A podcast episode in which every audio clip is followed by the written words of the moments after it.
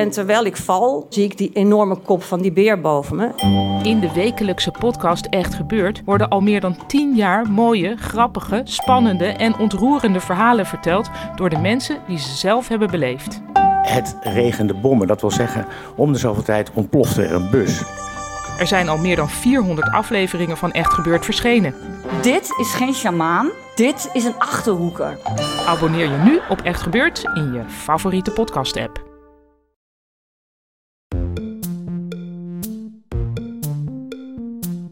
Hallo daar, fijn dat je luistert naar Boeken FM. Heb je een vraag voor ons? Stuur dan een mail naar boekenfm.dasmag.nl. En we zijn ook te vinden op Instagram, boekenfm. Wil je nou nooit meer een aflevering van ons missen? Abonneer je dan nu in je eigen podcast-app. En geef ons ook vooral een heleboel sterren en recensies. Dan zijn we ook zichtbaarder voor anderen die ons misschien willen luisteren. En toen had ik toen twee boekhandelaren met elkaar horen praten. En die zat echt zo van, godverdomme, Claire Keegan had moeten winnen. Dat we aan iedereen in de, die de winkel binnenkwam kunnen verkopen. Dat is net zoals wat de boekhandelaren zeiden toen, uh, nou niet over Claire Keegan, maar toen de Maagd Merino won. Ja, nee, ja, van, Oh. dat was echt zo'n frustratie. Dat volgens mij voor Iris Petrie. Dat hij de Libris won en dat toen allerlei boekhandelaren zeiden van, oh ja. Dat kunnen we niet verkopen. Ja, het gaat over twee homo's waarvan de een de ander opeet. Hallo allemaal en welkom bij Boeken FM, de literaire podcast van de Groene Amsterdammer en uitgeverij Das Mag. We zitten zoals altijd in de studio van Dag en Nacht Media. En het is tot mijn grote verdriet dat ik moet mededelen dat jullie favoriete lid niet aanwezig is van Boeken FM. Dat is namelijk Merel. Oh. Maar verder zijn we in onze vaste bezetting. Eh, en om te vieren dat Ellen er weer is voor de tweede keer op rij. Eh, en om te vieren dat zij de stadsdichter van Amsterdam is, eh, willen wij graag even een gedicht van haar horen. Dat heet Knuffel en het gaat, heeft thematisch te maken met het boek dat we vandaag gaan bespreken. Dat vind ik altijd raar dat ik dan nu dat niet ga zeggen, terwijl jullie hebben op de aflevering geklikt.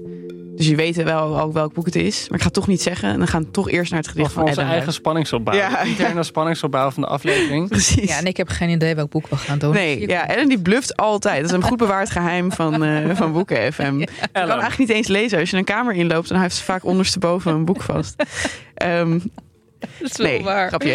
Eh, Ellen, take it away. Oké, knuffel. Misschien werd je in het geheim verwekt. Misschien werd je in het geheim geboren.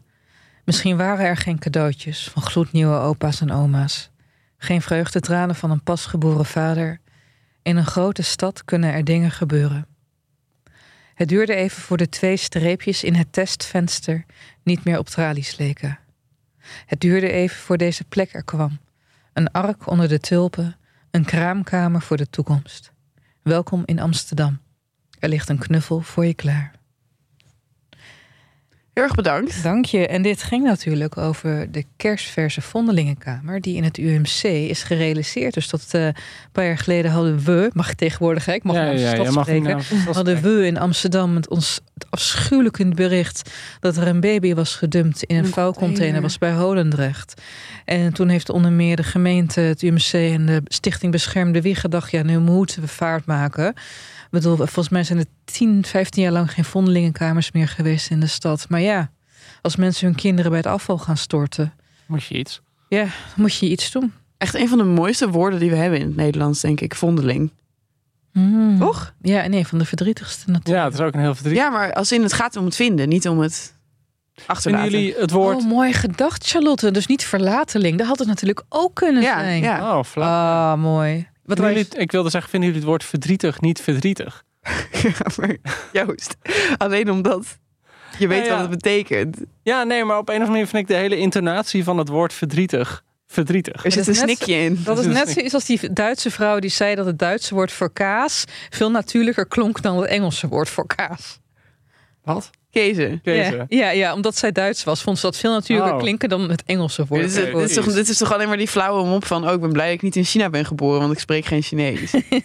Nou, ja, jongens, hoe dan ook, verdrietig of vondeling of niet. Het vormt, eh, dit gedicht vormde inderdaad een leuke aanleiding voor het boek dat we gaan bespreken. Een boek van een auteur en niet zomaar een auteur. De Ierse Claire Keegan, geboren in 1968 en een dame over wie Joost jullie nu heel wat gaat vertellen.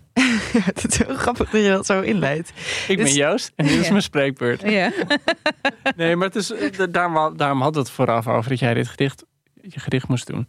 Omdat volgens mij in de novelles en verhalen van Claire Keegan, want ze schrijft vooral verhalen en novelles.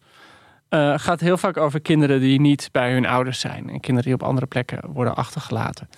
En eh, het grappige is van Claire Keegan, zij geldt inmiddels een beetje als een soort national treasure van, van Ierland. Tove Ditlevsen van Ierland. Ja, inderdaad. Eh, een soort van, van eh, figuur die, die echt op handen wordt gedragen. Terwijl ze een redelijk klein oeuvre heeft. In 23 jaar heeft ze geloof ik maar vier of vijf boeken gemaakt. En haar grootste hit kwam in 2010, die heette Foster. Die is in het Nederlands vertaald ook. Als pleegkind. Pleegkind is ook verfilmd. Eh, zoals haar, het boek wat we nu gaan, wat we later uitgebreid gaan behandelen, nu in wereldpremière gaat. De verfilming. En Foster is een boek dat, eh, begreep ik, eh, het zal ook omdat het maar 85 bladzijden is, maar eh, is geloof ik het meest gelezen boek onder scholieren. Op, op, ik geloof dat elke Ierse scholier die zijn punten bij elkaar moet lezen, eh, Foster leest. Ook omdat de, de hele shebang erin zit, toch? De Ja, en, ik bedoel, dat, dat is een beetje het hele punt. Het zijn hele smalle verhalen waar eigenlijk de hele Ierse geschiedenis in zit. Het- Dus, dus dit gaat over een, een meisje, speelt zich geloof ik in 1980 af. En het begint ermee dat een meisje door haar vader wordt weggegeven aan een ander gezin. Eh, het is niet helemaal duidelijk voor hoe lang. Eh, het is wel duidelijk dat ze uit een heel groot gezin komt. En haar moeder gaat weer voor de zoveelste keer bevallen. Ja, Iers, katholiek, dus gewoon schier oneindig Om- hoeveelheden ja. kinderen. Ja. Eh, die vader is duidelijk dat hij niet in haar, eh, ja, niet echt in haar geïnteresseerd is, niet echt in, eh, ehm, ja, gewoon niet echt een vaderfiguur is. En dan komt ze bij een gezin, of een, dat is geen gezin, een man en een vrouw, zijn iets ouder. Die hebben ook een boerderij, net als haar ouders. En eigenlijk verwacht je dan in alles van, huh, dit gaat eng worden, enge boerderij. En het, nou, en het tegenovergestelde gebeurt. Het is alleen maar liefde. Je hebt te veel Marieke Lucas gelezen. Ja, je, hebt te veel, je bent gedeformeerd door, door de, de gereformeerde. gereformeerde De katholieken zijn veel de gezelliger. reformatie van de reformatie. Creatiechristenen. Eh, en, en eigenlijk, ehm, er zit een hele mooie scène in dat het eigenlijk die, die, die ouders, die pleegouders, die, het duurt even dat ze daar contact mee durven te krijgen. En ze krijgen speelgoed en ze krijgen kleren. Het is wel tweedehands kleren, dat snapt ze wel. Dus ze snapt dat er iets is. En later hoort ze pas dat zij een, een kind hebben gehad dat eh, op een, bij een boerderij ongeluk is omgekomen. En eigenlijk gaat het, wat ze eigenlijk laat zien is, en dat vind ik heel mooi gedaan, als kind pik je natuurlijk altijd alles van je ouders. Want dat is gewoon de wereld die je kent. Je weet niet beter. En eigenlijk doordat ze opeens met liefde te maken krijgt, ziet ze dat er iets mis is bij waar ze vandaan is gekomen. Dus wat ik een hele ontroerende scène is dat ze op een gegeven moment die vader, haar pleegvader, over dat land loopt. En dat hij de hand vasthoudt. En dat ze helemaal ongemakkelijk wordt, omdat haar eigen vader nog nooit haar hand heeft vastgehouden. Oh, ik en kan dan- hier, oh jongens, ik en dan- nou al emo. Ik kan En dan wil ze dat gevoel gewoon niet toelaten. Ze denkt alleen maar laat los, laat los. Want ze kan die warmte gewoon niet aan. En ja, het is echt een totale Oh, ik, tearjerker. ik kan hier nu, ik word Eh, eh, van. ja, ja. Hoe oud was ze dan dat toen ze bij haar ouders werd weggehaald, bij haar biologische ouders? Nou, ja, wordt niet gezegd 8, 9. En het einde Ah, van het boek is... actieve herinneringen. Ja, ja, nee, jawel, helemaal. Er zit zo net op die overgangsfase. En wat een heel mooi is, dat ze aan het einde van het boek moet ze dus weer terug. Want die moeder is bevallen. En nou, dat is eigenlijk allemaal vreselijk. En het blijft ook een beetje in het midden of ze nou echt terug gaat of niet. Maar dan heb je zo'n hele mooie scène dat... Of nou, mooie scène, is gewoon heel dat ze dan terugkomt in dat gezin. En dat het gewoon duidelijk is dat ze er doorheen kijkt. Dat ze gewoon opeens ziet van dit klopt niet, dit mag niet. Mm. En, en de, de, de liefdeloosheid waarmee die ouders omgaan. En de manier waarop ze praten. Dus eigenlijk laat het ja, via een, op zo'n indirecte manier... Dus door in contact te komen met het paradijs, viel ze er vervolgens uit. Nou, eigenlijk door eh, eh, te zien wat mogelijk is, zag ze wat er altijd niet mogelijk was.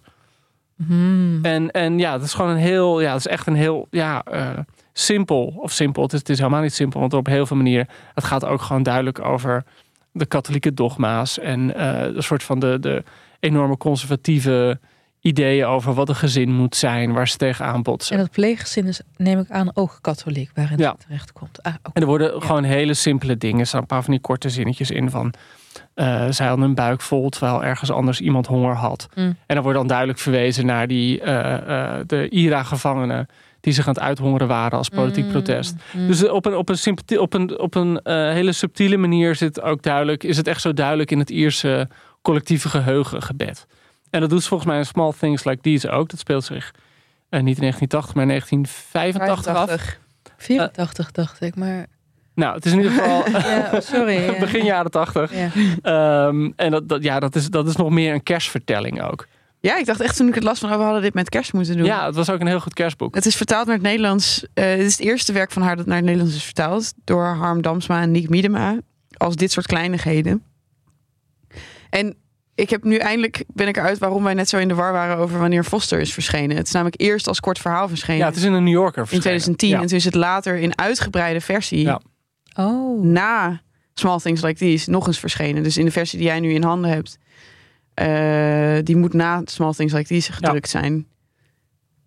Dat klopt. Ja, oké. dus Ehm, en er waren nog twee redenen waarom ik eigenlijk dit, dit wilde doen. Waarom het heel lang in mijn hoofd zat. Ik weet nog dat ik in Londen was. eh, in 2021 geloof ik. Toen de eh Booker Prize werd uitgereikt. En zij stond toen op de shortlist. En de winnaar, ze won toen niet. De, de prijs ging naar Shannon. En dan moet ik even goed kijken of ik het goed uitspreek. Karun Natilaka, The Seven Moons of Maal Almeida. Oh, maar dat was ook echt best een bestseller. Dat was ook, ja, wat, ja, wat won de boekenprijs, dus toen Ja. werd het een bestseller. Maar ik weet nog dat ik toen in een boekhandel was de volgende ochtend. En dat ik toen twee boekhandelaren met elkaar hoorde praten. En die zat echt zo van, godverdomme, Claire Keegan had moeten winnen. Dat hadden we aan iedereen in de, die de winkel binnenkwam kunnen verkopen. Dat is net zoals wat de boekhandelaren zeiden toen, eh, nou niet over Claire King, maar toen de Maagd Merino won. Ja, nee, ja, van, Oh. dat was echt zo'n frustratie. Dat volgens mij voor ISP 3. Dat hij de Libris won en dat toen allerlei boekhandelaren zeiden van, oh ja... Dat kunnen we niet verkopen. Ja, het gaat over twee homo's waarvan de een de ander opeet. Ja. Weet je wel, ja. Ehm, maar wat me ook opviel is dat dus een aantal mensen, of een aantal mensen, niet zomaar mensen, een aantal van onze trouwste luisteraars, Claire Keegan noemde bij de beste boeken die ze gelezen hadden. En dan ook specifiek dit boek. ook specifiek, ja, een paar mensen zeiden specifiek dit boek en een paar mensen zeiden ook gewoon alles. Ik heb alles gelezen. Dat is Dus ik had niet er nog- veel, want ik zie hier de boeken voor je liggen. Ik denk dat als je alle vier de boeken op elkaar legt, Joost, Ja, dan, heb je je er ongeveer een halve terbeck. Ja, het is echt de grootste Ja. schrijfster je van Madurodam. Dit. Ja. dan gebeurt er alsnog niks. Ehm, eh, dus ik had met eentje, ik had een paar mensen geappt en eh, eh, Je hebt had- onze fans geappt? Ik heb onze, nou ja, niet, ik had ze, ik heb ze, we hebben ze een berichtje Dat is gestuurd. een beetje ja, grensoverschrijdend. nee, ja, inderdaad. We hebben, we hebben ze geen foto's geappt, maar gewoon gevraagd waarom vonden jullie dit zo mooi? En tot zover, zo heet ze blijkbaar. Eh, oh nee, ze heet Sophie, zegt ze. Eh, tot zover zegt, ik vind de alledaagsheid van de personages zo fijn. Het zijn echt gewone, kleine mensen met hun kleine bezorgdheden die geconfronteerd worden met iets dat groter is dan zichzelf. En dan vaak dappere keuzes maken. Ehm, en dat is denk ik. Zijn, nou goed, laten we maar gewoon over het boek gaan hebben. Ja, want dapper er is wel interessant. Ja, Eh, dapper eh, of moreel, of ik weet niet hoe Ja, want dat, is dat was wat mij ook verrast hier aan. Hoofdpersonage van dit hele slanke romannetje is Bill Furlong.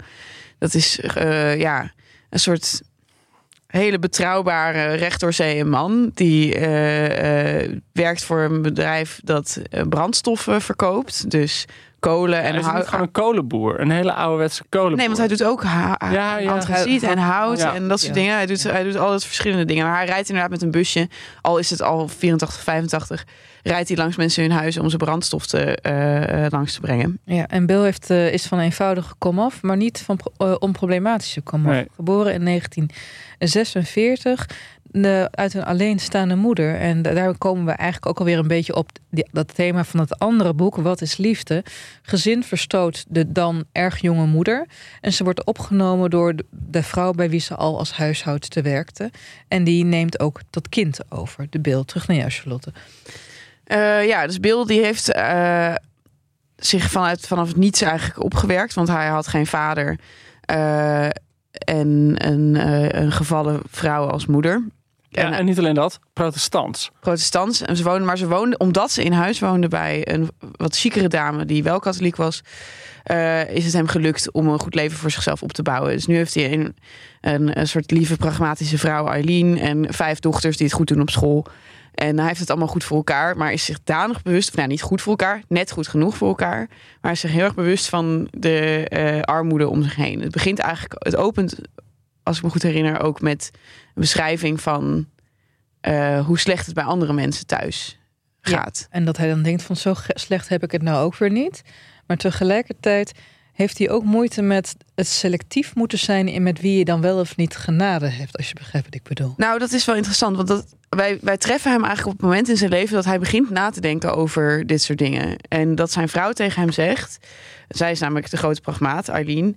ehm, Van, er is altijd in het leven iemand die aan het kortste eind trekt. Zij denkt van ja, oké, sommige mensen hebben slechter dan wij, maar Wat gaan wij eraan doen? Of zo? Ja, en hij gaat denk ik daardoor ook anders naar zichzelf kijken. En dat is een beetje vergelijkbaar met wat ik net vertelde. Dat, dat die scène uit Foster, dat die man haar, eh, haar pleegvader haar hand vastpakt. En opeens denkt, oh, dat heb ik nooit gehad. Zit hier zo'n scène in dat hij dan op een gegeven moment denkt hij terug aan vroeger. En toen vroeg ze aan hem, wat wil je voor kerst hebben toen hij klein was? En hij wilde een puzzel.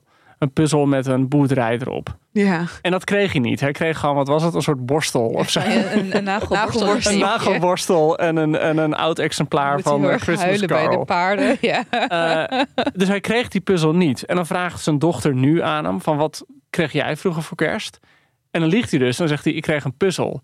En zegt ze: wat een puzzel? Alleen een puzzel? Alleen een puzzel. Ja. Dus wat zijn grootste droom was, dat niet eens uitkwam, dat is dan gewoon waar zijn dochter inmiddels al gewoon op neerkijkt. Dus hij voelt ook heel erg zo'n afstand tussen de man die hij ooit was en het leven dat er nu is. En wat maakt Bill Furlong nou zo verrassend dapper in dit verhaal? Nou, op een gegeven moment, kijk, wat ik opmerkelijk vind aan dit verhaal, want het, het, het pretendeert eigenlijk iets alledaags te zijn. Hè? Dus je moet je voorstellen, lieve luisteraar, dus eigenlijk ja, iets meer dan een day in the life. Man werkt hard, zoekt. eh, zijn vrouw is erg trots op het feit dat ze nergens schulden hebben. Wat natuurlijk, zeker in de eerste samenleving van de jaren tachtig, de meeste mensen wel overkwam. En op een gegeven moment begint hij dus inderdaad na te denken. En hij denkt van ja, ik ben hier alleen maar omdat ik deze kans eh, heb gekregen. Door eigenlijk een heel groot toeval. Want als mijn moeder niet zo liefdevol was opgenomen door haar huishoudster dan. Ja, en dan komen we bij een van de grote nationale trauma's van Ierland.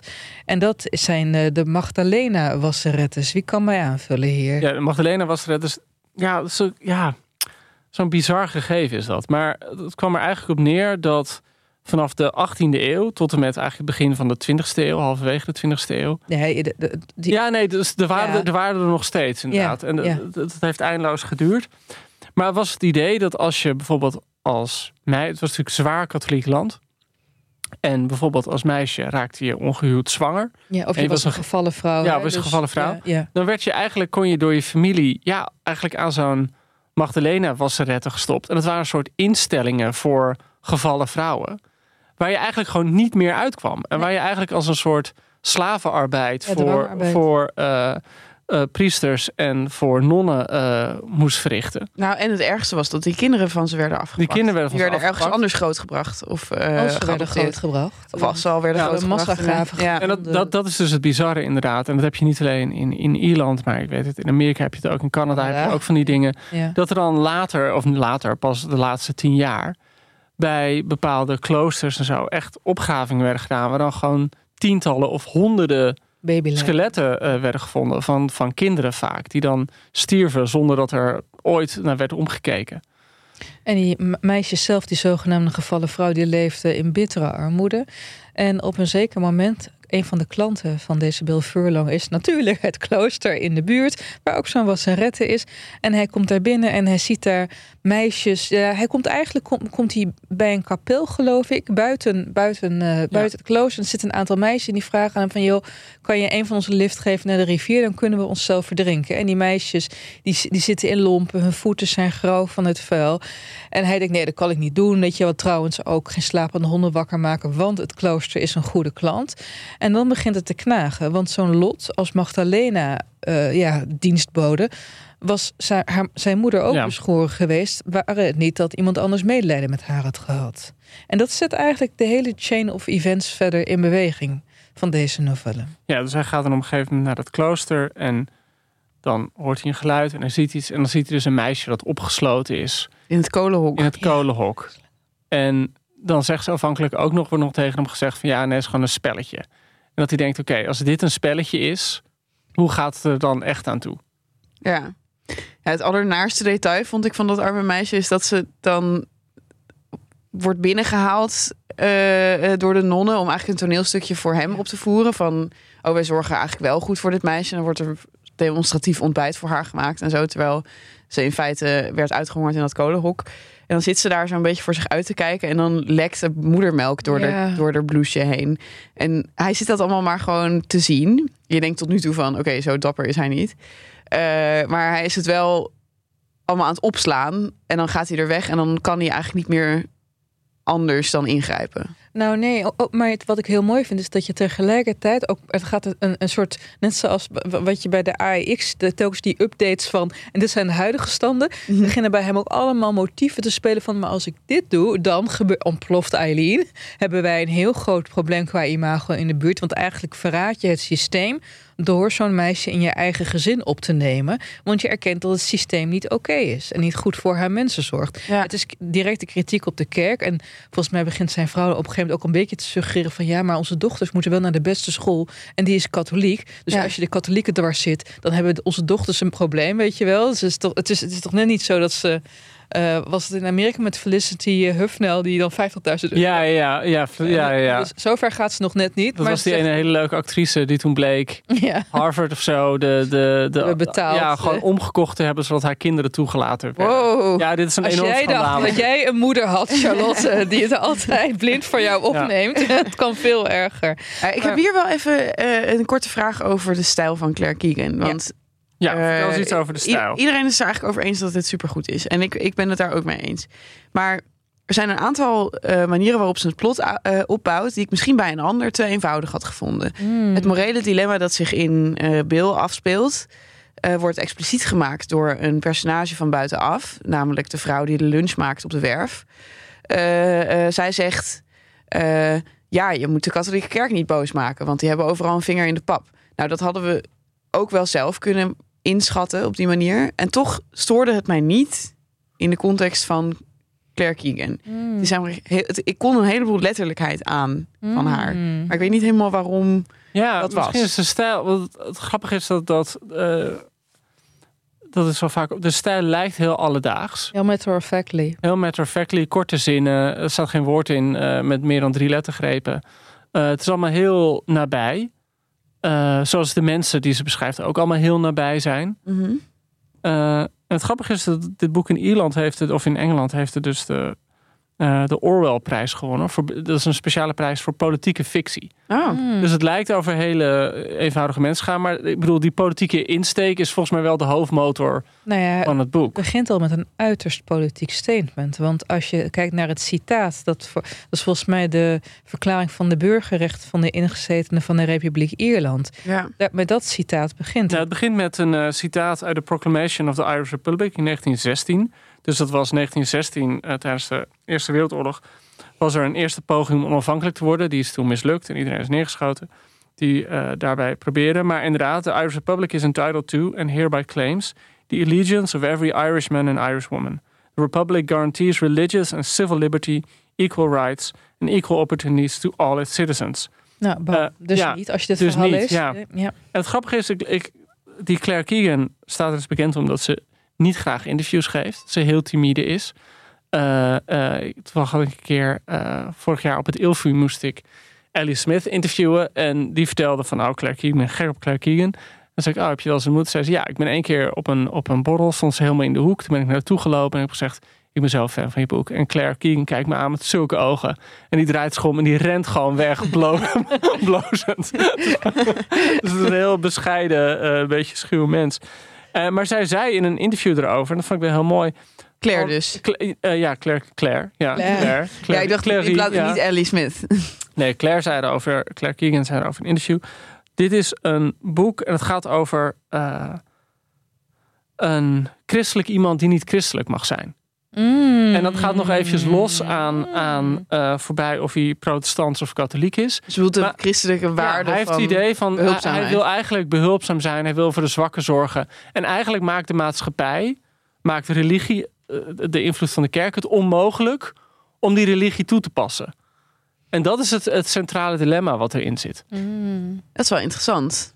Maar dat het blijft zo dat ehm, Keegan heeft geen dubbelzinnige personages hierin Nee, gestopt. Dat, het dat zijn, is eigenlijk, sorry, om weer even het terug zijn te alleen maar helden eh, en vijanden eigenlijk. De nonnen die dat zijn was ik- evil. Daar was ik wel bij jullie benieuwd naar. Van, ik bedoel, kunnen ze meteen nog meer vertellen over wat, wat hij nou precies doet.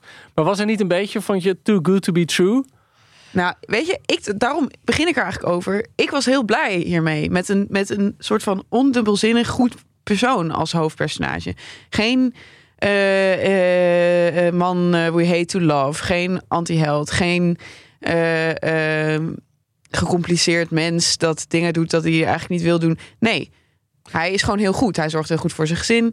Hij zorgt heel goed voor zijn vrouw. En nu zorgt hij voor iemand anders die zijn hulp nodig heeft. Tegelijkertijd, als je een zure bui hebt, en misschien hebben we die wel vandaag, ik weet niet waarom ik je meer fout spreek, kan je zeggen dat ze het daarmee ook wel makkelijker van afmaakt. Want eh, in de tijd dat dit boek is geschreven, was er al brede nationale consensus dat het gedoe rond de Magdalene Wasserettes totaal niet deugde. Ja. Ja. Dat de katholieke kerk daar ernstige steken bij heeft laten vallen. Eh, dus ze, en dat het, het herstel daarin en het herstel van het nationale trauma ook iets is waar men in Ierland trots op is. Dat is ook een deel van nationale trots. Dus eigenlijk blaast ze een loftrompet over hoe één iemand iets heeft gedaan wat de Republiek Ierland uiteindelijk heeft gedaan. Oh, je bedoelt zoals de talloze verzetsverhalen die we in Nederland hebben. ja, die spro ja, Waar- waarin zogenaamd elke gemiddelde is, Nederlander, ja, ja. een, een onderduiker. Ja, ja. Eh, ja, zo zou je het kunnen zien. Ik vond het, dat vond ik dus grappig ja, aan. Ik denk dat als het slechter geschreven was geweest, dat ik het dan met veel meer cynisme had benaderd. Eh, Maar ik had er wel, ik, ik moet er zeggen, ik, ik las het boek. En toen las ik de verantwoording die erbij stond. En dan maakt ze dat ook helemaal expliciet. Dat ze echt zegt van, eh, eerder dit jaar is een commissie en die heeft onderzocht dat ongeveer 9000 kinderen eh, in dit soort eh, inrichtingen zijn overleden door de jaren heen. Jezus. En dat er in 2014 eh eh, ontwerd ontdekt dat bij één zo'n institutie in Galway eh 796 baby's zijn omgekomen. En dat zegt van eh, dat er tot 2013 de Ierse overheid nooit hier excuses voor eh, aan heeft aangeboden. En het gekke is, ik had toen wel een beetje een dubbel gevoel, omdat ik had dat boek gelezen en dan zat ik erover na te denken en dan sla je de bladzijde om en dan krijg je die verantwoording. Ja. En dan is opeens dat hele boek wordt dan zo teruggebracht tot deze ene dienstmededeling, tot deze ene Ja. feitelijkheid. Ja, en het wordt ook een soort haast, ja, parabel, als ik het zo kan zeggen. Ja, het komt voor de, he- weet je wel, hij is Ierland die inziet dat iets niet kan. Het ene klooster wordt de hele katholieke kerk en die zwijgcultuur rondom dat Magdalena-schandaal. Maar terug, los daarvan, het, het, het, het is niet, het is niet overgestileerd heroïs. Dat nee, vind ik er nee, dat is het inderdaad. hij is gewoon heel relaxed. Hij zegt, kom kind, ga maar mee. En hij loopt al naar huis toe. Hij zegt, oké, mevrouw. Denkt hij bij zich, gaat het niet relaxed vinden. Maar het moet maar, weet je wel. En hij dweept niet met zijn eigen goede daad. Want hij weet dat hij er Nee. ook in de shit, als zijn dochters in de shit komen. Ja. Althans, ik, ik, ik hoorde niet eh, de, de loftrompetten. Nou ja, kijk, het, het is natuurlijk wel onverbloemd heroïs. Ik bedoel, hij neemt het meisje Ja. mee. En ik bedoel, het eind op de laatste Er, er bladzijde... wordt niet gekoketteerd met die Nee, heroïek, dat bedoel ik. Nou ja, een- je kan het een beetje, Beetje. inzien dat hij dan zegt van... The worst is yet to come, he knew. Is, is een van de laatste zinnen. Van hij weet van het gaat nu allemaal heel moeilijk worden. Maar hij heeft gewoon zijn beslissing genomen. En, en hij, ja, hij, loopt, hij loopt inderdaad naar, naar huis. Op de laatste bladzijde, zij op haar vieze voeten. En hij heeft het gevoel dat de, de straat omhoog loopt. Ik bedoel, het is duidelijk dat hij, dat hij het zwaar vindt. Ehm, dus, dus ja, hij is inderdaad een held. En tegelijkertijd is het...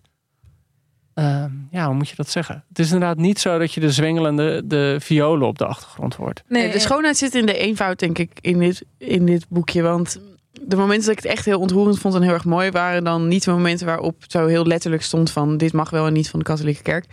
Maar gewoon, er zit een scène in waarin eh, hij met zijn grote gezin om zich heen eh plotseling een brok in zijn keel krijgt. Omdat hij beseft van dit is de enige dag die ik ooit ga hebben die precies zo is. Eh, en dan zijn ze een Christmas pudding aan het, aan het eh, maken met z'n allen. En die, die meisjes zijn dan de steeltjes uit de rozijnen aan het pulken of zo. Je weet wel. Dus dat hoe ik me jouw families kerstdagen voorstel. Ja, daarom raakt Allemaal zo'n trui aan. Eh, Ehm, ja.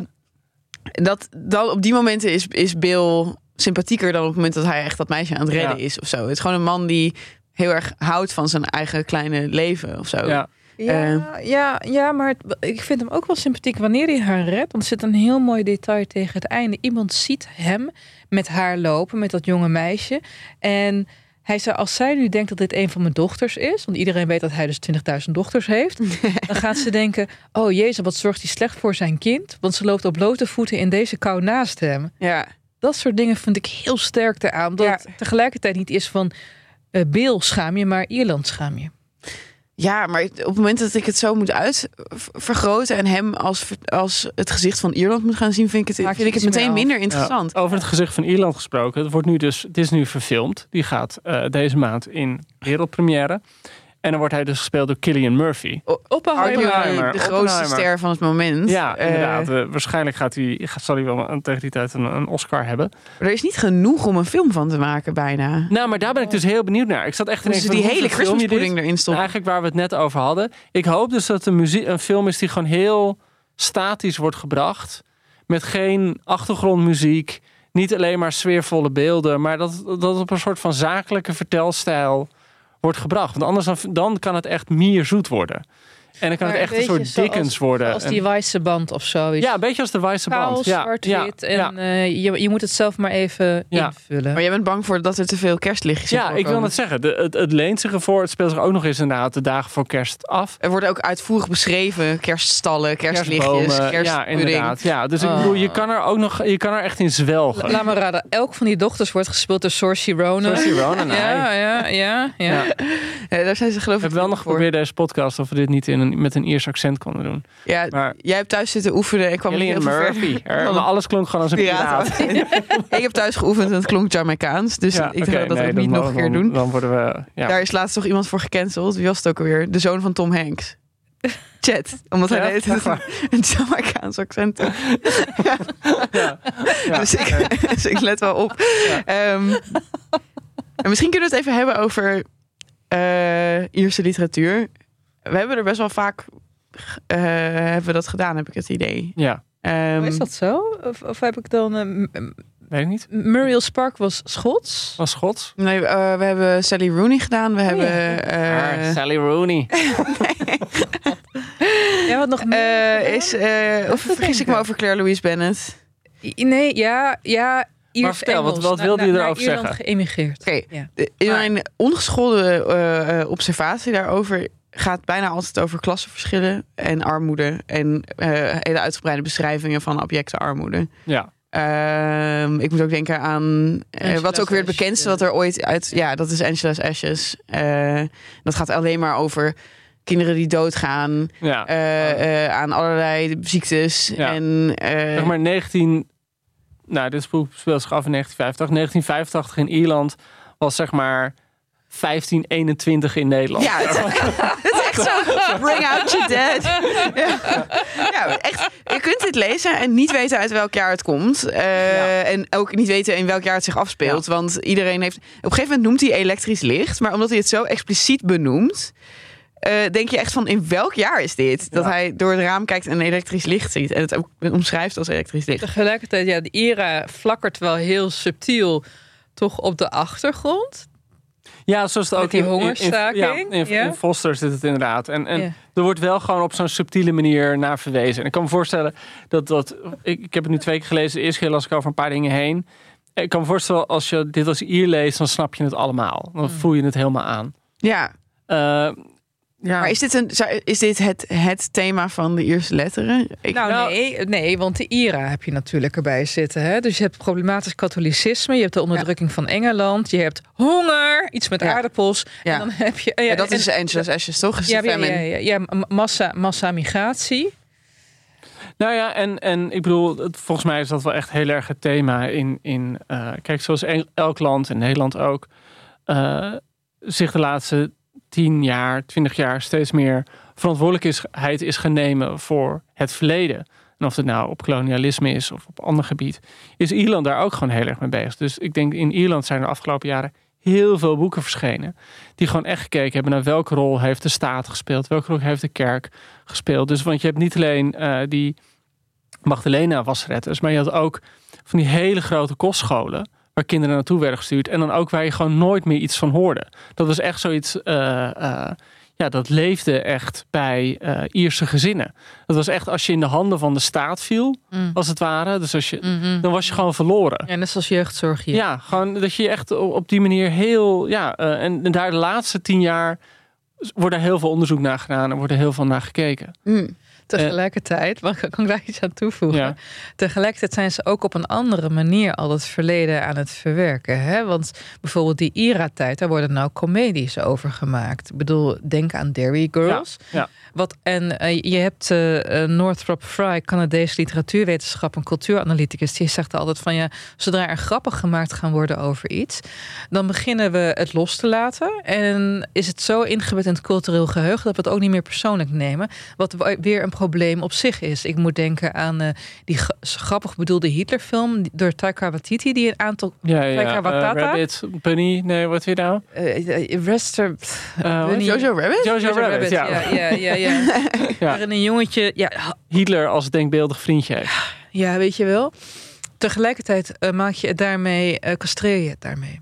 Vind Nou, je? het grappige is, ik, mo- ik, mo- ik moest hierbij heel erg denken aan Fintan O'Toole. Dat is een, eh, volgens mij de meest prominente eh Ierse intellectueel. Die schrijft heel veel voor de New Yorker. En Heel intellectueel weer van jou dat jij weet wie de meest prominente Nou ja, ik bedoel, dit, dit is echt zo de man die overal tegenkomt. En heeft twee jaar geleden of drie jaar geleden een boek geschreven. We Hardly Know Ourselves. Hmm. Het heet een collectieve autobiografie. Dus eigenlijk via het leven van zijn ouders en van zichzelf behandelt hij alle grote dingen die in Ierland gebeurd zijn. En dat is ook heel grappig. Een soort de het eeuw dus. van mijn vader. Ja, een soort eeuw van, maar dan, dan, dan grappiger. Dus hij behandelt op die en, en je merkt dus inderdaad dat er, ja, er wordt, ja, er zijn nog steeds heel veel dingen die pijnlijk zijn. En er zijn heel veel wonden die nooit, geheel, nooit zullen helen. eh, denk ik in die geschiedenis. Maar het, wordt inderdaad minder politiek, minder zwaar.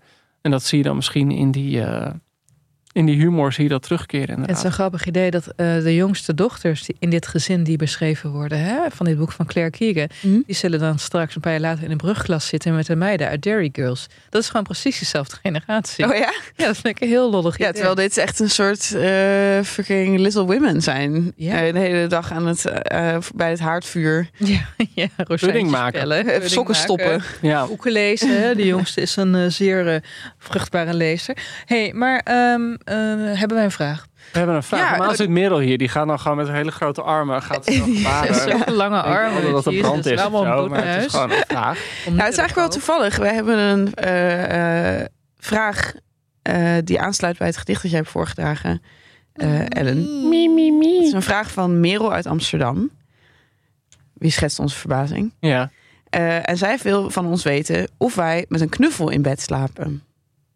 Ik ben altijd heel blij als iemand een keer geen literaire vraag, vraag stelt van weet je nog een boek voor mijn schoonmoeder of zo. Behalve dat we heel blij zijn met al die mails ook. Ja, Ja, ook ja. blij stuur ze ook allemaal naar Boeken FM. Ik ga raden. Joost slaapt met een hond. Nee, Nee? nee. Jij slaapt met een knuffelaapje. Nee, ook niet goed. Oké, nee. Eh, mag ik van jou gokken? Ja. Ik denk een giraf. The fuck, Charlotte? Echt, the fuck. Zullen we gaan opbiechten, jij eerst? Oké, nou, ik, ik- vroeger had ik altijd een aapje. En die heette Oh ja. Aapje. ja dat En eh, ehm, die staat nog steeds in een boekenkast. eh, met een, ehm, in een beker staat hij. En als ik nog steeds kan ik hem zo tegen mijn hoofd aan doen. Tegen mijn gezicht. En dat is dan ja, gewoon het fijnste gevoel dat er is. Het is gewoon zo helemaal het vertrouwdste dat ik ken. Eh, maar die, daar, daar ga ik voorzichtig mee om. Want ik ben bang dat hij uit elkaar valt. Maar ik heb een andere knuffel. En eh, die heet Bolly. Bolly, en wat Bolly. voor knuffeldier is dat? Dat is een neushoorn. En, eh, maar die, Nee. die neem ik alleen mee eigenlijk als ik op vakantie ga. Of als ik wegga, dan is het altijd zo gezellig dat je dan Oh, ja. iets van thuis hebt. Maar een neushoorn heeft toch Maar harde hij- ik slaap niet met hem in bed. Ja, hij heeft wel een, neus, een neushoorn, maar die, die, het is wel van pluche, zeg maar. Oh, dat, dat je wakker wordt en dat je een oog mist. Eh, en en jij, Ellen? Ja, ik heb, eh, ik heb twee knuffelbeesten. Ik heb, ehm, jezus, een witte uil. En, Hij heet Jezus? Nee, Minerva. Ja, hij, heet- ze heet Uilelientje. Oh jeetje. En ik weet het. En? Ja, Uilelientje vond ik gewoon leuk. En, Oké. en een beertje wat- die geen naam heeft, maar tegen wie ik wel elke avond zeg: het is niet onopgemerkt gebleven. Ah, En dan val ik eh, met die beestjes in mijn oksels, eh, eh, ja, als mijn liever niet bij is, lekker in slaap. Maar mijn, weet je wat mijn eigenlijke knuffelding is? Ik, waar ik ook ben ter wereld, ook al ben ik in de tropen, ik heb altijd een rijskruik bij me. Want een vooral- rijskruik? ja, dus dat, dat is dan een kleine kruik met een vlieslaag eromheen. Omdat ik, eh, ik, ik loop zoveel, maar omdat mijn ene been langer is dan het andere. Ik ben mezelf niet aan het verkopen hier. Krijg ik na een kleine 20 kilometer lopen, krijg ik s'avonds een hele grote rugpijn. En dan Oké. ligt die kruik erop. Dus ik heb gewoon een knuffel. 20 kilometer. Wauw. Ja. Dat is heel veel, toch? echt veel Ja, dat is best, stappen. dat, ja, Hij moet echt heel goed zijn, een stappenteller. Hij speelt hem uit. stop. Ja, ik heb hem helemaal uitge... Hij begint weer overnieuw. dus ik heb is toch... eh, knuffelkruik. Ja. David Sedaris die heeft twee stappentellers, omdat hij een stap die niet geteld wordt niet vindt tellen. Dus als er dan eentje leeg is, dan doet hij die andere om. Dave Sedaris heeft toch ook dat hij dan gewoon s'avonds, voordat hij naar bed gaat, eh, als het dan wel 12 uur is geweest, dat hij dan eerst nog een uur gaat lopen. Want hij wil gewoon de dag beginnen dat hij al 10.000 stappen heeft. Well, I totally relate. Ik, ik, ik sta ook s'avonds zit ik in mijn bed gewoon heel vergezaligd te kijken hoeveel ik heb gelopen. Ja, oké. ik heb er- gisteren heb ik dus 9987 stappen. Ik heb Oh, gewoon vergeten nee, hem even te halen. Ja, echt zuur. Ja, ja, vorige maand had ik elke dag. Charlotte, Elke dag 10.000? ik probeer elke dag 10.000 te Maar moeten dus van jullie geriaters of zo? Hou toch je kop, Oh, Charlotte. ja, ja, ik moet Hier, Joost, kijk, kijk, ik had gisteren... Luister even, ik laat jullie zien. Ik had gisteren had ik, had ik, een, had ik een rustdag. Wow, inderdaad. Dat is... eh, Kijk, ik Ja, zal- kijk hier. Tada, tada. Ehm, 16.000. Maar goed, jongens, even eh, Charlotte. Je bent heel slim rond dit gevoelige onderwerp aan het heen slaan. oh ja, springt er omheen. Ja. Ja, je bent als een soort Bo- Bobby Farrell ben je aan het eh woe, by the rivers of. Maar wat, wat, Wa- waar slaap jij mee? de reden dat ik dit onderwerp probeer te vermijden is dat het eh, een, Een groot verlies in mijn leven is geweest. Ehm, toen ik 21 was, toen verhuisde ik weg van de campus waar ik toen studeerde. Terug naar mijn ouders tijdelijk, want ik ging een onbetaalde stage doen. En eh, ik had één Het is bij de groene, hè? we betalen je toch wel? Het is toch niet zo dat je onbetaalde stage wil? Nee, ik heb nooit bij jullie onbetaalde stage gelopen. Het is bij een ander niet nader te noemen eh, eh, blad geweest. Nou, Oké, dit gaat eruit, Merel. Ja. ze hebben je wel betaald in ervaringen. Merel, wil je een bliepje doen bij wat ik net zei? Oké. Eh, anyway, ik was 21. Dit moest allemaal nog gebeuren. Ik was nog jong en ongeschonden. Ehm, maar ik had wel een rugzak waarin ik al mijn eh, belangrijke spullen had gestopt. En toen dacht ik, nou, dan kan ik al die belangrijke spullen had, heb ik dan op één plek. Zeg maar al mijn sieraden, 500 euro cash, gek genoeg. Wat? Eh, al mijn elektronica. Ja, Eh, maar wat is dit? En de knuffel die ik al sinds mijn tweede overal mee naartoe nam, namelijk Lammy. Lammy kon ik niet zonder slapen. We hebben heel veel gereisd toen ik klein was. Ik liet haar overal liggen. Het werd later ook een jongetje. Ehm, maar dan moest het weer. Lammy Lucas Rijneveld. Ja, Eh, moest dan weer vanuit New Orleans opgestuurd worden naar ons thuis en dat Oh, soort nee. dingen. En dan was ik heel erg in paniek omdat ik bang was dat hij niet kon ademen eh, in, eh, in die doos waar hij in verstonden werd. Dus dat was Lammy. En hij was ooit een schaapje, maar was heel grauw en verveeld geraakt. En paste precies in het kuiltje van mijn hals. Eh, en ik kon gewoon geen dag zonder hem. En toen is hij dus gejat, die rugzak waar alles in zat. En de cash en Lammy en weet ik wat. En toen moest ik aangifte gaan doen. Die mensen geloofden natuurlijk helemaal niets van dat er, dat er in één 500 euro rugzak al die dingen zaten. Dus dat heb ik ook nooit teruggekregen. En eh Lammy heb ik ook nooit meer teruggezien. Dus ik denk dat de eh Wow, maar dit is een harde censuur tussen jeugd en volwassenheid. Ja, ik dacht wel van, oh, als ik ooit een kort verhaal moet schrijven. Maar eh, nee, Oh, het ik, is... ben, ik ben emo vandaag. Ik trek dit soort Ja. verhalen echt niet, joh. Ik moet alweer bijna huilen. Wat is dit? Dat was Lammy. En toen heeft, mijn moeder die, eh, heeft toen haar Twitter-volgers ingezet om te speuren naar die rugzak en naar Lammy. En heeft allemaal foto's van, van Lammy op internet gezet van gaan vinden. Het is nooit gelukt. Heb je, maar heb je, heb je een foto voor mij voor Lammy? Want oké, dit, dit gaat, dit gaat, hier- die worden altijd woord, maar ik kan goed naaien. Moet ik een Lammy voor je Oh reproduceren? my god. Ik ga hier misschien nog wel een keer een beroep op doen als ik zelf ja, maar kinderen doe dat, krijg doe of zo. Maar ehm, in, toen is, omdat ik gewoon niet zonder iets in mijn nek kon slapen, heb ik toen eh, een knuffel uit het huis gepakt van mijn ouders. En dat was een oude Artis de Partis van mijn broertje. Oh ja. Waar een, po- een poot aan ontbreekt. En ik hou gewoon niet van hem. En hij ligt wel elke dag bij mij in bed. Omdat ik niet zonder kan. Wat? En- Een heel gek idee om met een, een knuffel van wie je niet houdt in bed te Ja, liggen. dus ik heb een soort marriage of convenience nu. Met een knuffel waar ik nooit echt van gehouden heb. Omdat Maar ik vind het dus ook heel zielig voor die knuffel. Het is mijn Lolita Oh, eigenlijk. En mijn, ja. en mijn ware liefde is dat meisje dat aan de TBC is overleden. Ja. Ja, Annabelle Lee. Ja. Dus dat is eigenlijk mijn verhaal. Annabelle Ehm, Lammy. Ja.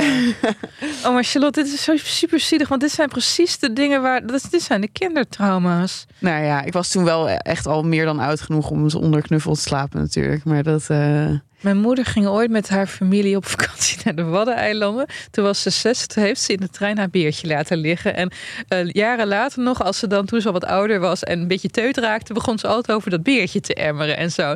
Dus ik heb haar op een gegeven moment, toen was ze toch echt al tegen de zeventig, heb ik haar een beertje gegeven van, nou je nou niet meer zeuren, hier ben je knuffel terug helemaal eraf. Helemaal janken. Die kon, dus zo, zo diep kan die Ja, zo zijn. Ja, het kan heel diep zitten. Dus ik vind het ook een hele goede vraag. Die mijn ouders altijd te pas en te pas on- ophalen. Dat hij uh, had een konijn. Die heet een Nijntje.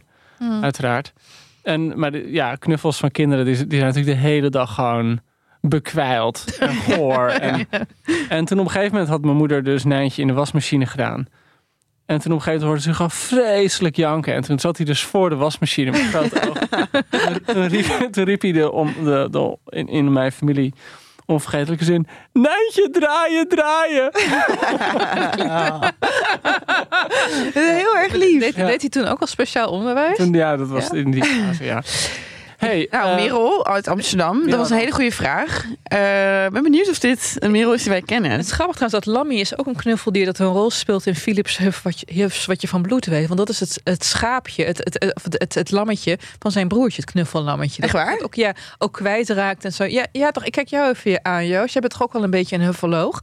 Een huffoloog. Ja, ik ben een, een huffluisteraar. Ja, ja, ja. ja. ja, ja. Maar, maar goed, daar zit toch ook een schaapje Lammy in Volgens mij klopt dat inderdaad, ja. ja. Eh, Oh, wat grappig. Nou, een van de vele dingen die Philip Huff en ik gemeen hebben. Ongelooflijk. Nou, zoals een warme vriendschap met Joost de Vries.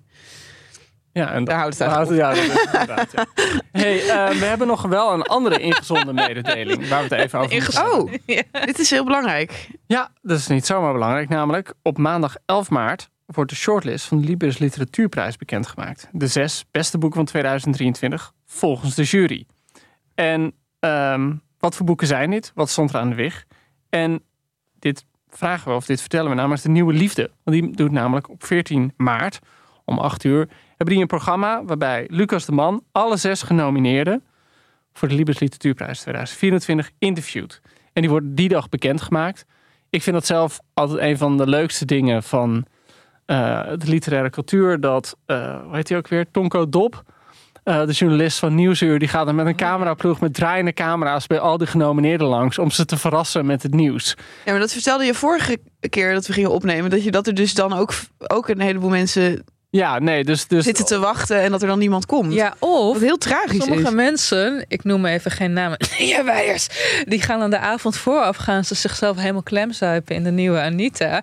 En dan heb je de volgende dag ben je aangenaam verdoofd. Het is alleen wel jammer als het dan wordt aangebeld Ja, en je met je- je katerkop ja, open ik ken inderdaad wel mensen die dan echt zo in hun joggingbroek open doen. En dat je dan denkt, kut, kut, kut. Behalve, wie was dat? Was, was, was dat Yves Petrie die er altijd helemaal fris gekapt en in een pak en zo. En dat, oh ja, ik heb de champagne al klaarstaan. Dat je ook bij jezelf denkt van ja. Ja. Bij de eh, vorige aflevering kon je al twee kaartjes winnen voor dit evenement. Nee, dat was het andere evenement. Ze hebben twee evenementen. Oh, oké. Ja, sorry. dus dit is een nieuw evenement. Dit is het evenement met de genomineerden op 14 maart. En de genomineerden zijn uiteraard nog niet bekend op dit. Oh ja, shortlist tuurlijk. is nog niet bekend. Ehm, ik moet ook nog zeggen, niet alleen interviewt Lucas Man 14 maart de genomineerden.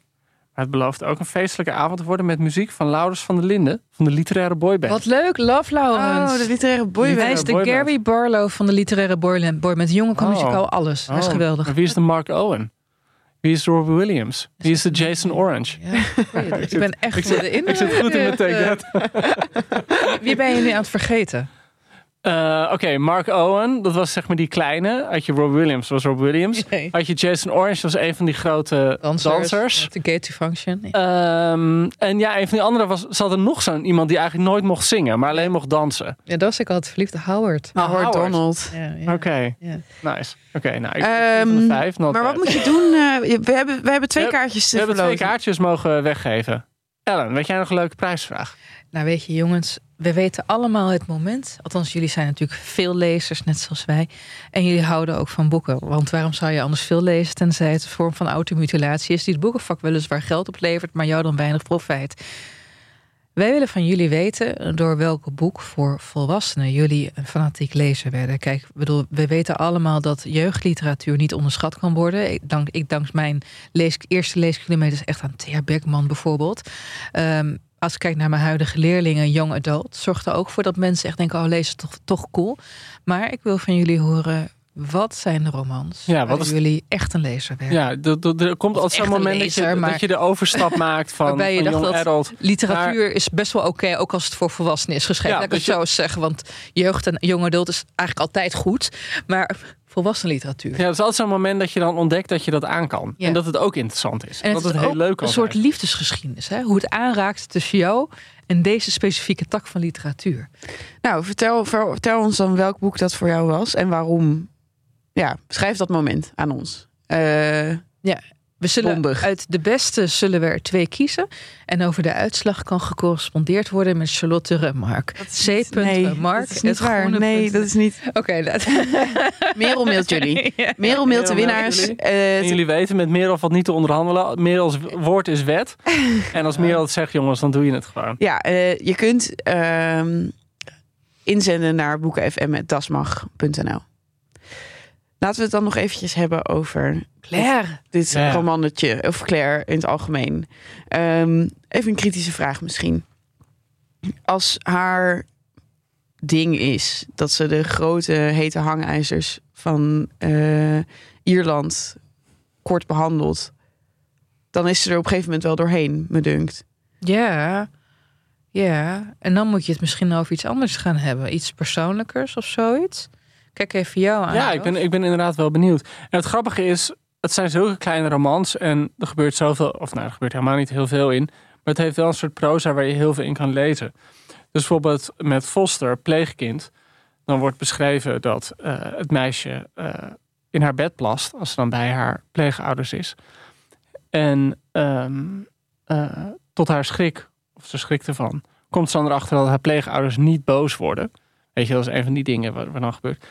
En ik las weer allemaal recensies ervan. Zeiden van, oh ja, maar eh, mensen, kinderen die zijn misbruikt, plassen vaak lang in hun bed. Is- dus gaat het boek dan ook niet daarover? Hmm. En ik, ja, dat, dat weet je gewoon niet. Maar juist omdat ze eh, zoveel weghoudt en die verhalen zo kort houdt. En eigenlijk maar hele soort snippets, de, de, de kleine dingetjes van een, een soort van achtergrondleven van die Mhm. personages geeft. Kan je er wel op die manier eindeloos in blijven zoeken, zeg maar. Waardoor die boeken eigenlijk ook.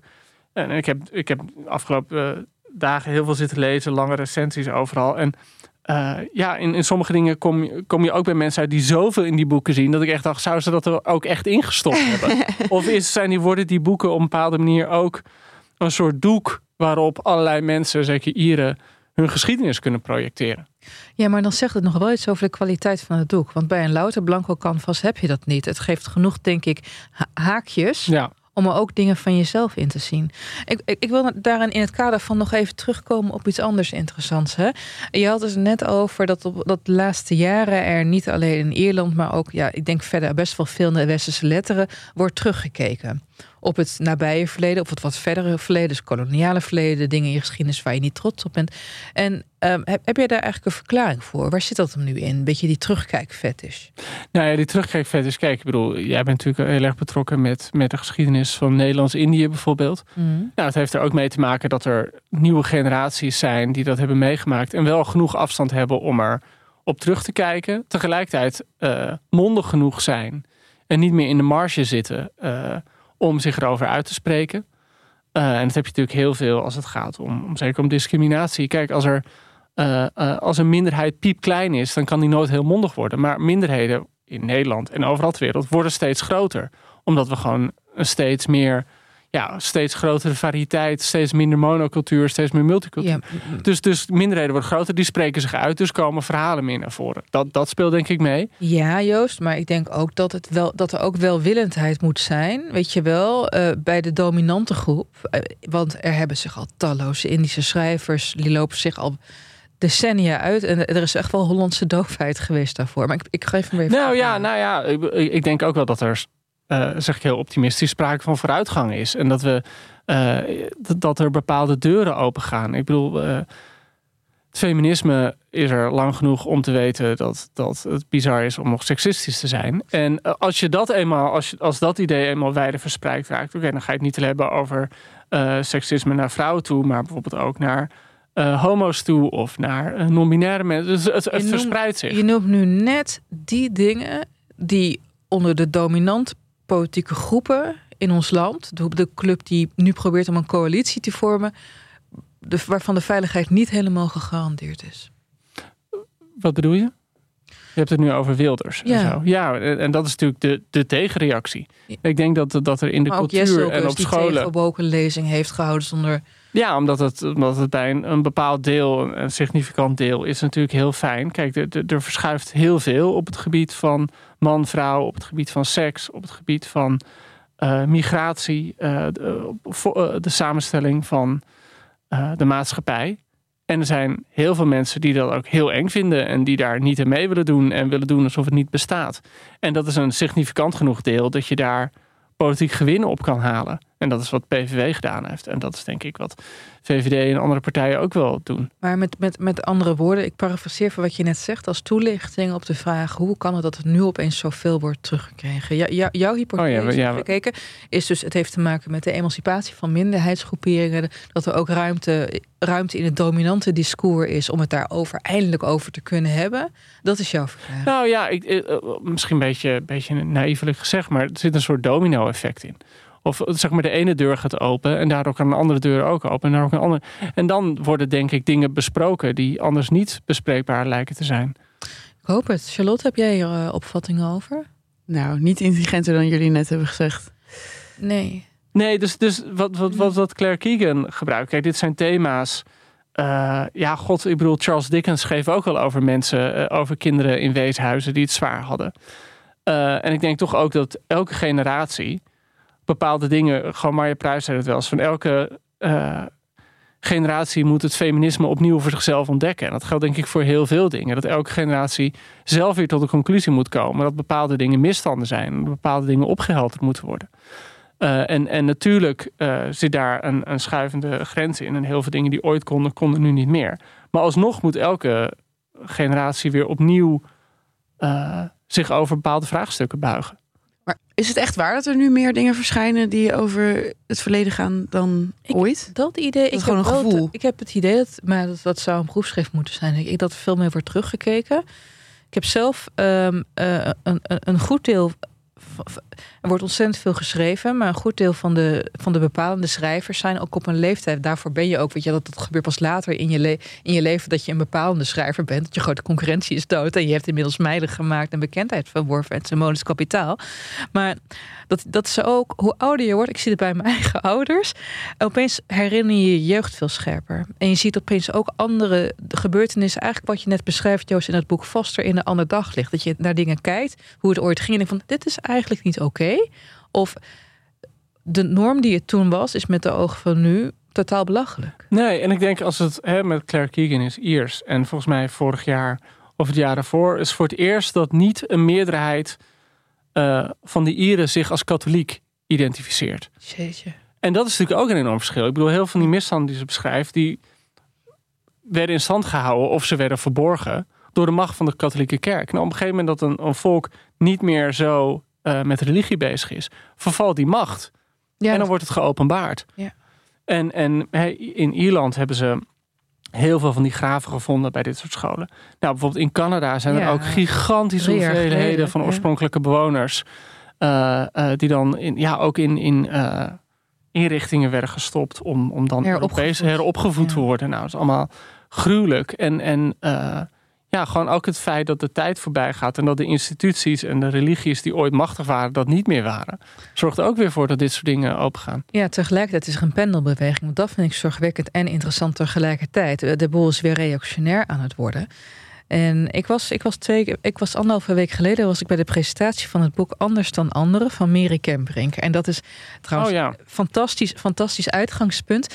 In de 19e eeuw wilde men op een gegeven moment vanuit de wetenschap, vanuit de medische wetenschap, onderzoek doen naar homoseksualiteit. Alleen op heel veel plekken was homoseksualiteit behoorlijk strafbaar. Dus welke bronnen gebruikten ze? Literaire bronnen. Nou, daar heeft zij dus een heel boek over geschreven. En hoe dus op een gegeven moment men steeds positiever ten opzichte van, van homoseksuelen begon te staan vanuit de wetenschap. Wetenschap. Omdat ze zich louter, weet je wel, op de, op de literatuur aan het um, oriënteren waren. Ja, maar dat is bijvoorbeeld heel mooi. Ja, we gaan nu heel erg off topic. Maar bijvoorbeeld wat er met Oscar Wilde is gebeurd. Je hebt natuurlijk dat beroemde proces tegen hem. En eigenlijk is dat, was dat, nou, dat was zo rond uh, 1900 een moment dat mensen in en wetenschappers in Ierland pas, of in Ierland en, en Engeland, uh, gingen nadenken: wat is homoseksualiteit eigenlijk? Daarvoor werd gezegd: seks is iets dat je doet. En toen werd het duidelijk: nee, geaardheid is iets wat je bent. Het is niet een daad, het zit ja, het, tekent wie je bent. Ja, en, dan pak ik hem even terug in, in, in, uh, in combinatie uh, of met het oog op waar we het dus net over hadden. Mary Kempering zei dus bij uh, de lezing die ze gaf voorafgaat aan de presentatie van het boek, dat cultuur een enorme slinger is. En dat um, je aan de vragen die de wetenschap zichzelf stelt, kan afleiden wat een cultuur is. En in het verlengde daarvan zeg ik de, de vragen en de vanzelfsprekendheden die politici aanvechten, hm. kan je ook gaan bepalen wat cultuur wel of niet is. En in het laatste geval zie ik momenteel een behoorlijk grimmig uh, milieu. Dus ik ben het totaal niet met je eens dat er steeds meer ruimte is voor minderheden. Ja, ik wel. En, eh, maar het is denk ik wel een, een mechanisme van drie stappen vooruit, twee stappen terug. Ik weet niet. Is dat in de groene deze week? Lees je dat wel eens? Tofblad, Groen Amsterdammer. Uh, dat over, over die fightclubs die tegenwoordig. Oh ja. ja. Weet je wel? Grimmig inderdaad.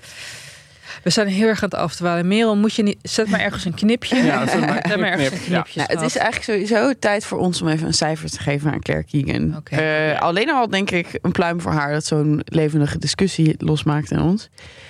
Uh, ik denk dat ik haar een 8 geef voor Small Things Like These.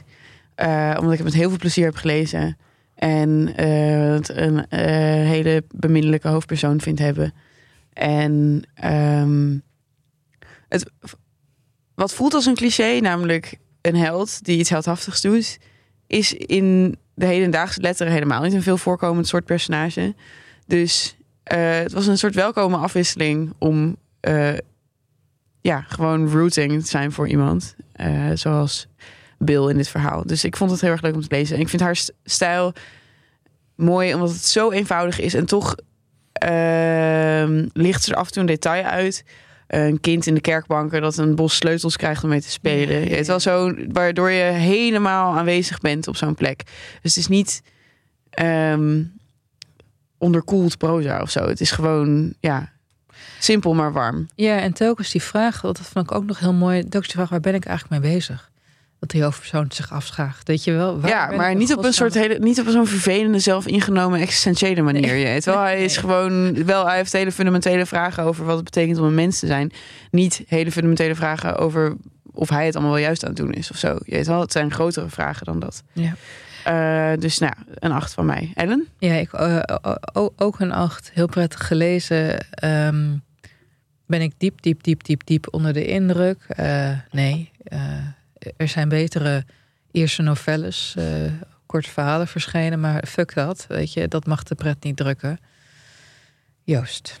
Uh, ja, dit boek had ook een heten Do the Right Thing.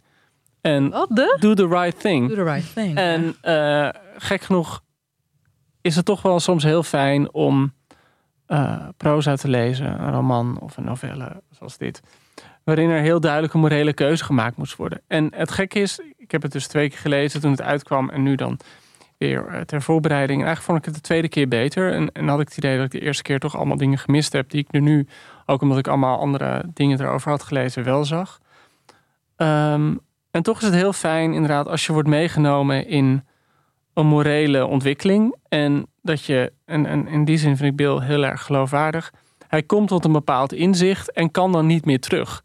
En dat is natuurlijk wat je altijd hoopt. Dat als je op een gegeven moment het probleem zo duidelijk ziet dat de oplossing uh, en het juiste om te doen onontkoombaar is. Ja, sommige mensen zouden zeggen dat ze dat niet hopen, hè Joost. Want op een gegeven moment kan je niet meer met jezelf leven. En dan zit je eigenlijk tussen twee kwaden. Ja, goed, maar hij durft er dus naar te handelen. En, en in die zin is, is hij inderdaad een ouderwetse, ja, toch wel bijna Dickensiaanse held. Iemand hm. die gewoon uh, de moraliteit uh, heeft en, en zijn hart openstelt en het goede doet. Uh, ik geef denk ik ook een 8. Nou, dat is lekker makkelijk. Dat is gemiddeld een 8. Um, ehm, dan zijn we over twee weken weer terug bij jullie. Mogen we alvast zeggen wat we gaan lezen? Is dat leuk? Worden? Nee, laten we, daar nog even, laten we dat nog even open houden. Oké, dan houden we dat nog even open. nog even open. Eh, we houden jullie in spanning. Lees iets wat je zelf leuk vindt om te lezen. Kan ik je van harte Ja, aanraden. en lees gewoon eh, Claire Keegan. Want Ja. je, hebt het, je hebt het echt in één zitting heb je het uit. Ja, het is echt wel heel erg leuk om een keer gelezen te hebben. Eh, dan bedankt Ellen, bedankt Joost, Dank bedankt lieve Charlotte, dank Dank, de luisteraars. Groene. Dank Merel voor het monteren en Ja, het stuur knippen. allemaal je vragen in om kaartjes voor de avond in de Nieuwe Liefde te winnen. En we eh, zijn, staan ook nog steeds open voor eh, inzendingen voor die volgende... Nee. Nee. Kut. nee. Oh, sorry, ik vergis me steeds.